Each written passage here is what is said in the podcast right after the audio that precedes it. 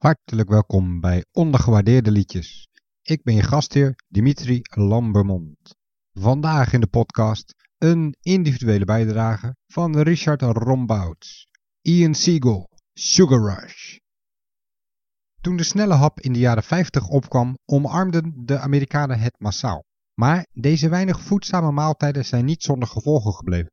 En dan hebben we het niet alleen over buikjes, het torenhoge cholesterol en de vele hart- en vaatziekten, want onderzoek wijst uit dat fastfood de groei van de Amerikanen geremd heeft.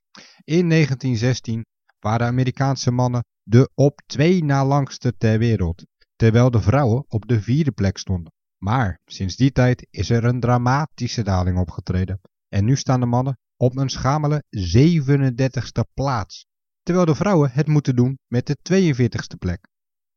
Voor de goede orde, de Nederlandse mannen zijn gemiddeld de langste ter wereld en de Nederlandse vrouwen staan op een vierde, tweede plek vlak achter de Letlandse dames.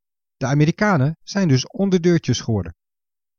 Is het een pure gemakkwestie of spelen de pecunia een rol?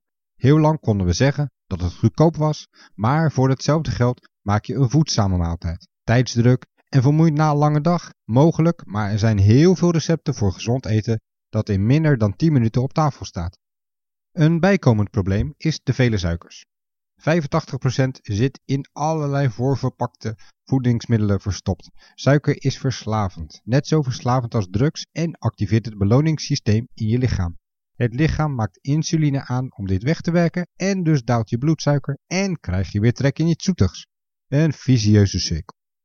Nederlanders staan hier ook hoog in de pikorde, want we snoepen per persoon per jaar ruim 34 kilo aan chocolaatjes, drop, nootjes, chips en koek. Het is dus niet gek dat kinderen hyper zijn of tegenwoordig te pas en te onpas het stempel ADHD opgeplakt krijgen.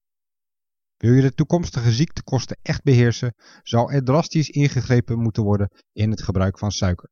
Dat heeft natuurlijk een nadeel voor het legerverslaafde, want voor je het weet staan er mannetjes met lange jassen bij elk schoolplein en op elke straathoek. Psst, snoepje kopen. Maar, en nu komen we bij de muziek. Snoepje is ook een metafoor voor andere zaken. Als kooksnaapje, voor seks. Bluesgigant Ian Siegel weet als geen ander de werkelijke bedoeling in een metafoor te verstoppen. Met het blote oor gaat het over een snoepverslaving, maar snel wordt duidelijk dat het suikergoedje waarschijnlijk de vorm van een donut heeft. Ian Siegel is een van de grootste, zo niet de grootste blueszangers van de nieuwe eeuw. Ik heb hem live aan het werk gezien in een paard van Troje. De man beheerst het podium en weet als een verkondiger van het evangelie het publiek te bespelen en de aandacht vast te houden. Zijn stem kan hetzelfde geluid als Howlin' Wolf voortbrengen.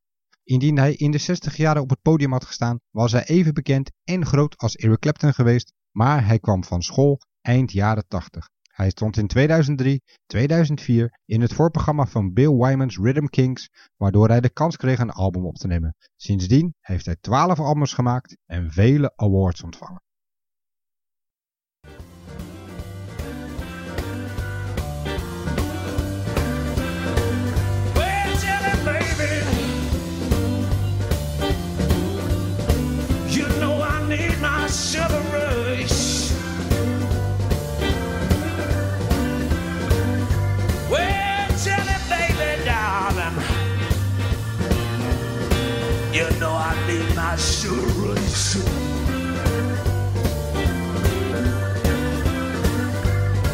Well, when I'm for your sugar.